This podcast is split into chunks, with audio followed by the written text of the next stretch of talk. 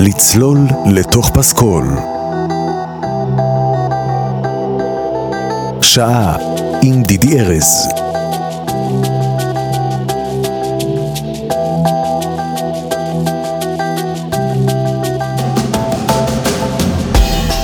שלום שלום, ברוכות השבות, ברוכים השבים, לצלול לתוך פסקול, פה ברדיו מהות החיים. והיום יש לנו פסקול יפהפה ותוכנית מיוחדת מאוד, כיוון שהשבוע הלך לעולמו הסופר ממוצא צ'כי מילן קונדרה. אה, מילן קונדרה התפרסם בעיקר בזכות שני ספרים, אה, הקלות הבלתי נסבלת של הקיום וההנאה שבאיטיות, והלך לעולמו כאמור השבוע, בגיל 94. וקונדרה, שנולד בצ'כוסלובקיה, היה אחד מאנשי הרוח והאקדמיה המפורסמים והנודעים, אחת מהדמויות הבולטות במאבק נגד אה, המשטר הצ'כוסלובקי, יחד עם עוד סופרים ועוד אנשי בוהמה, ואחרי הפלישה הסובייטית, ב-1968 הוא סולק מהמשרה שלו כפרופסור ועבר לצרפת בשנת 75, אני אספר קצת עליו בהמשך. ולמה אני מספר את כל זה על סופר, ואנחנו בכלל בתוכנית על פסי קול? כיוון שמילן קונדרה כתב את הספר הקלות הבלתי נסבלת של הקיום, שהפך אה, בהמשך דרכו, בהמשך גלגוליו, לסרט מדהים, סרט שביים פיליפ קאופמן ב-1988, אה, מבוסס על הרומן הזה, וכמו בספר, גם בסרט העלילה מתרחשת בפראג בשנת 68, ומתארת את חייהם של אה, אומנים ואינטלקטואלים בזמן האביב של פראג, ואיך הפלישה של ברית המועצות השפיעה על החיים שלהם. בתפקידים הראשיים משחקים שלושה אנשים שכל אחד מהם הוא יותר מהשני, אין מה לומר, יפים, מוכשרים, מדהימים.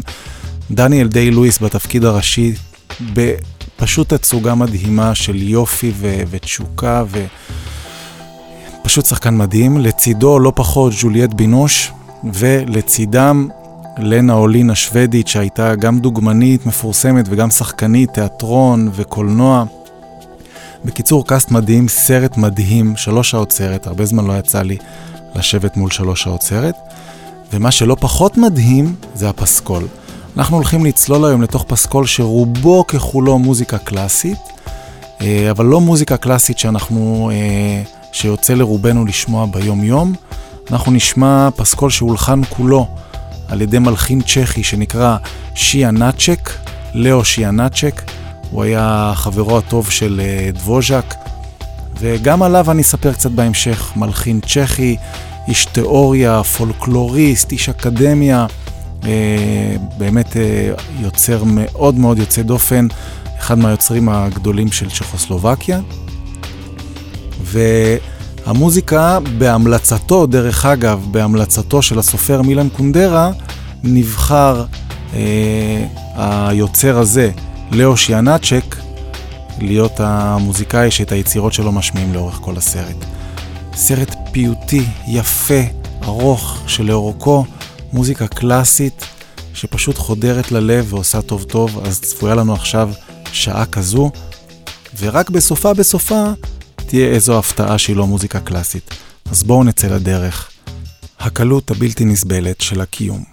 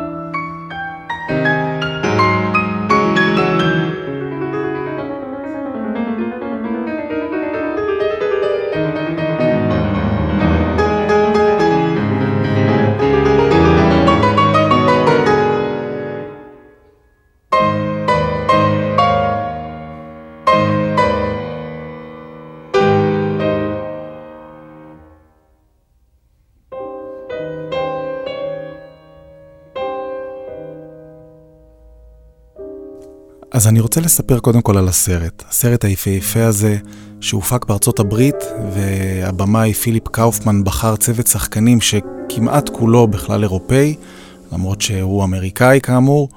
הוא בחר בדניאל דיי לואיס, אז צעיר מאוד ויפהפה ומוכשר כמו שד. לצידו ז'וליאט בנוש, גם שחקנית על. לצידם אה, לנה אולין השוודית. והסרט צולם בכלל בצרפת ולא בצ'כוסלובקיה, ואת הסצנות שמתארות את הפלישה הסובייטית עשו באופן מאוד מאוד יפה, שילבו גם קטעי ארכיון וגם צילומים שעשו בעיר ליון, והצליחו איכשהו לעשות בתוך הדבר הזה איזה מין מיקס, וזה ממש נראה כאילו השחקנים שלנו אה, נמצאים בתוך קטעי הארכיון. אני מזכיר לכם סרט מ-1988, לא היום בתקופת ה-AI וכל הטכנולוגיות. אז הסרט מתחיל בהצגה של הכוכב שלנו, תומאס, שהוא מנתח מוח צ'כי, שחי חיי רווקות חסרי דאגות, יש לו מאהבת, אומנית גם היא, ששמה סבינה, שניהם יפים, אה, מוכשרים, חכמים, אה, ומעבירים את רוב ימיהם בין אה, יצירת אומנות לבין סקס. ויום אחד תומאס עוזב את פראג ונוסע לעשות איזשהו ניתוח מוח בעיירת ספא נידחת, ופוגש שם את תרזה. תרזה מלצרית, חמודה וצנועה, שחולמת לעזוב את חייה הקודרים בעיירה. והיא, ברגע שהיא מכירה אותו, היא מתאהבת בו, והופ, קופצת אחריו, עוקבת אחריו לפראג, עוברת לגור איתו, והדבר הזה מכניס לו גם המון אהבה ו- ואנרגיה לחיים, אבל גם מקשה על ההרפתקאות המיניות המאוד uh, מגוונות שלו עם נשים אחרות. ותומאס מבקש מהמאהבת שלו, סבינה, שתעזור לתרזה למצוא עבודה כת- כצלמת. מכאן אנחנו נכנסים לאיזה מין סוג של משולש מערכת יחסים מורכב מאוד, יפה מאוד, מלא אהבה, מלא אומנות, אה, עד אשר פתאום אה, פולשים הטנקים הסובייטים לצ'כוסלובקיה, ומשם הסרט מקבל תפנית. אני מזכיר שזה סרט של שלוש שעות, וכל דבר קורה מאוד לאט ומאוד לעומק. תרזה מצלמת את הפלישה הסובייטית, והם בורחים משם שלושתם לשוויץ. שם סבינה פוגשת אה, פרופסור נשוי ומתחיל ביניהם רומן.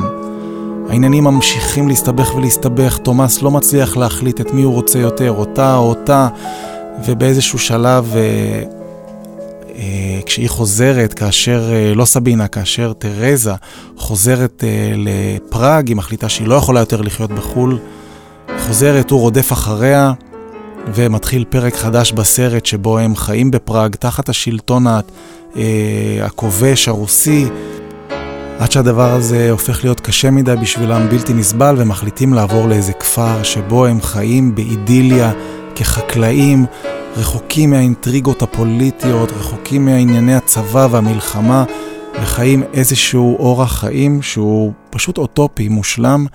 ואז אנחנו מגיעים לסוף הסרט, ואני כמובן, כמובן, לא אספר מה הסוף, לא אעשה לכם ספוילר, כי יש לי איזו תקווה קטנה בלב שכל המאזינים והמאזינות, כולם וכולן, תעשו לעצמכם טובה גדולה ולכו לצפות בסרט הזה. אז אני לא מספר את הסוף.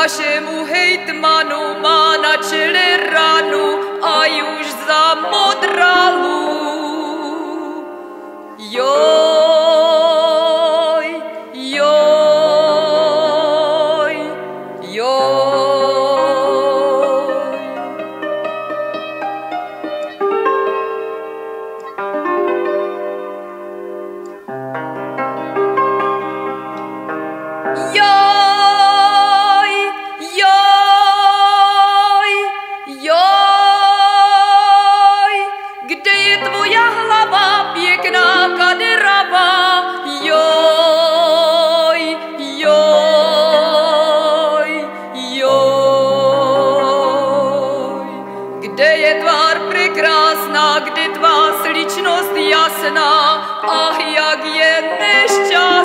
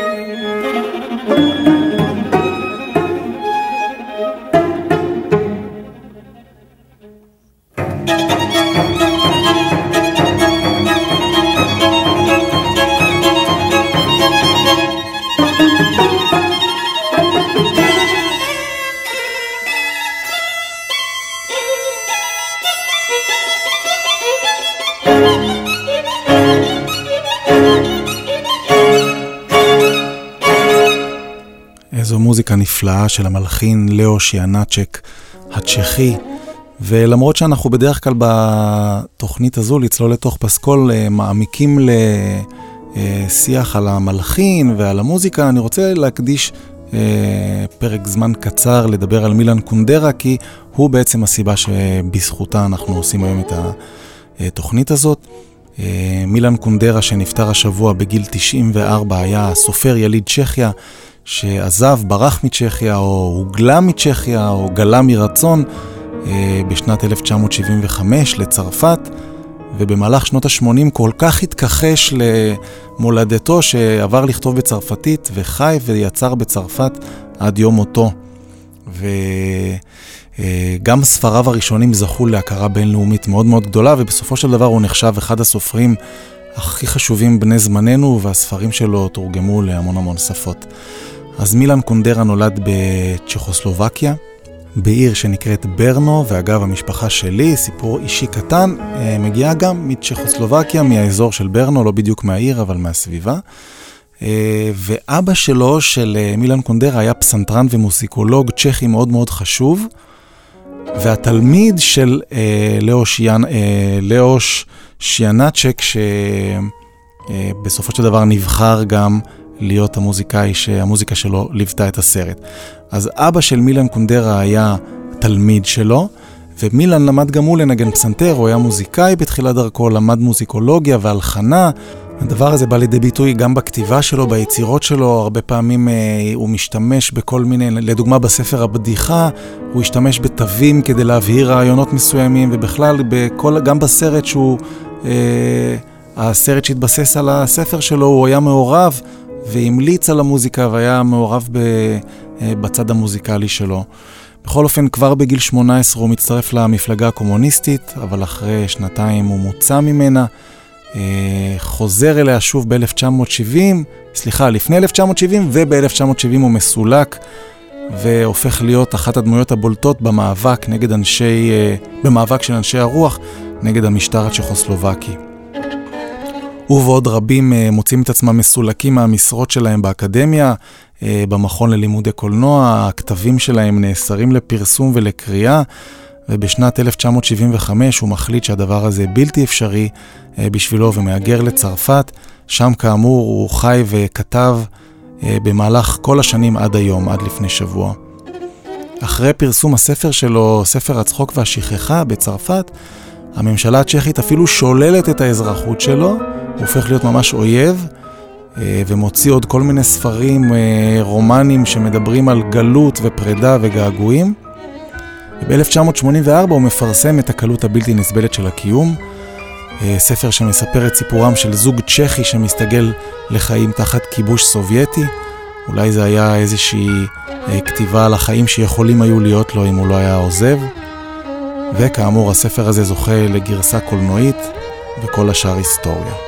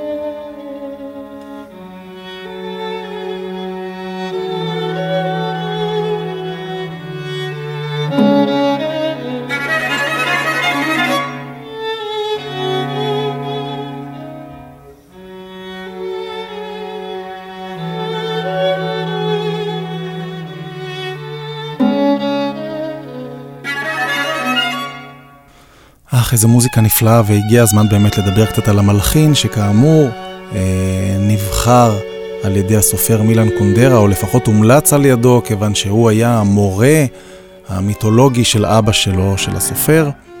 אה, מכאן ההיכרות עם המוזיקה, עם היצירה ועם העומק. ליאו שינצ'ק, מלחין צ'כי שזכור בעיקר בזכות יצירות ואופרות שלו, נחשב לאחד מגדולי המלחינים הצ'כים במחצית הראשונה של המאה ה-20. נולד ב-1854 ונפטר בשנת 1928 בגיל 74. במהלך השנים האלה הפך אה, לדמות מאוד מאוד דומיננטית, החל ממורה למוזיקה, מנצח על מקהלות, אה, ייסד בית ספר לעוגב, שהפך בהמשך לקונסרבטוריון של ברנו.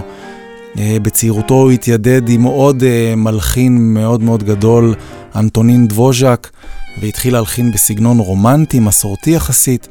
אבל אחרי אה, שנת 1881 הסגנון שלו התחיל להשתנות, הוא התחיל לחקור מוזיקה עממית, הפך למה שנקרא פולקלוריסט, והשתמש במוטיבים ויסודות של מוזיקה סלובקית, הוא התמקד בחקר ושחזור של מקצבים ומתארי צליל ונטיות קול של דיבור, עשה מחקר מאוד גדול ביצירת מלודיות אה, ווקאליות, הגיע לאופרות וכך לאט לאט הכתיבה שלו הפכה ליותר... Uh, uh, דומה, כך אומרים, לכתיבה של בלה ברטוק, וכיוצר הוא זכה להרבה אזכורים גם בספרים של אה, מילן קונדרה וגם בספרים נוספים של סופרים יפנים, ואף אה, נחשב כמי שהמוזיקה שלו הייתה ההשפעה אה, הגדולה ביותר לשיר נייף אד של להקת הרוק המתקדם אמרסון, לייק ופלמר.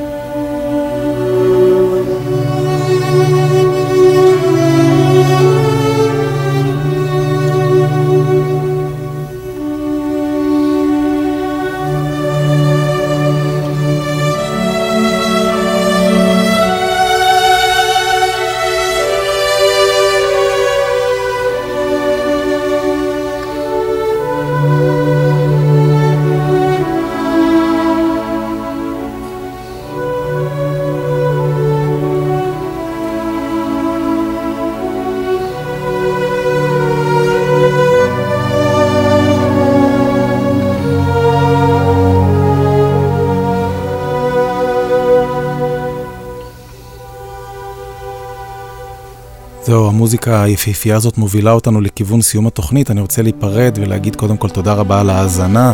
אני מקווה שהדבר היפה ומרחיב הלב הזה עוזר קצת בגל החום ובימים הבאמת אה, לא פשוטים שעוברים עלינו פה בחוץ. אז אה, ניסיתי להביא איזשהו משב רוח וקצת השראה וקצת עומק, אני מקווה שזה עזר. אני מאוד מאוד ממליץ, מאוד מאוד ממליץ לגשת למצוא את הסרט הזה, קל מאוד למצוא אותו בכל המקומות הרגילים, לצפות בו, הקלות הבלתי נסבלת של היקום, היופי האינסופי של uh, סיפור וסרט ודמויות, אני מאוד מאוד ממליץ. וחוץ מזה, כרגיל, אני אשמח אם תמשיכו להמליץ לי על סרטים, לכתוב לי, הפידבקים ששולחים לרדיו מגיעים אליי ומחממים את ליבי, אה, וגם אני מקבל רעיונות מכם ומחזיר אותם בצורת תוכנית. אז תמשיכו להיות בקשר. אני מאחל שהימים שבאים עלינו יהיו ימים יותר רגועים, יותר טובים, יותר מאחדים, ואנחנו ניפרד עם איזשהו משהו מאוד מוזר ומעניין שקורה באמצע הסרט, שכולו פסקול כזה של מוזיקה קלאסית. פתאום אנחנו מקבלים גרסה צ'כית אה, לשיר היי hey ג'וד של הביטלס. ממש נטע זר בתוך כל הפסקול ולכן לא שיבצתי אותו באמצע התוכנית, אבל אני כן רוצה שתשמעו את הדבר היפה הזה, ואיתו אנחנו ניפרד וניפגש בשבוע הבא עם פסקול אחר, שבוע נעים וטוב, ביי ביי. Hey Jude, ti pláč, oči pálí a slzy zebou. Víc nemá jen malý poslední dár. Znáš písniček půjdou s tebou. Hej Jude, že má tě rád, to se v písních tak snadno zpívá. Na rubu všech písní, kde končí rým,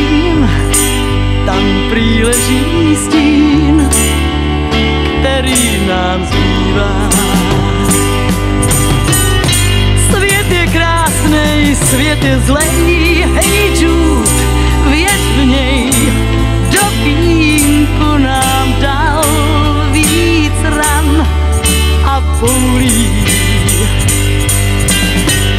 A do těch ran ti sype sůl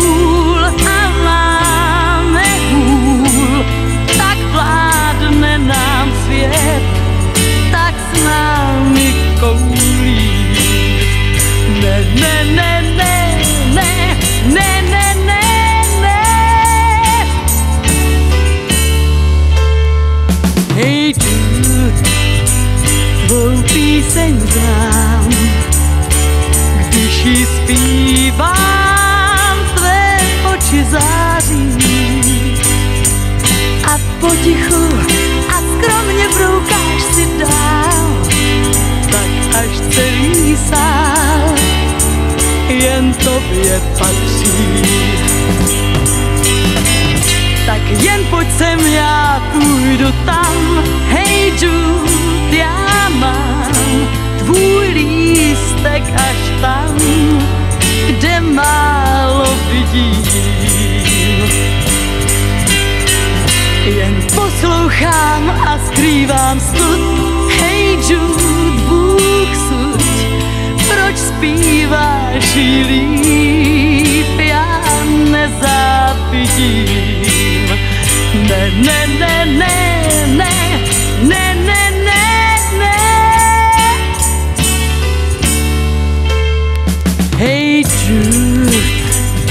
ty píš a znáš, oči pálí, snad mám v nich slídu.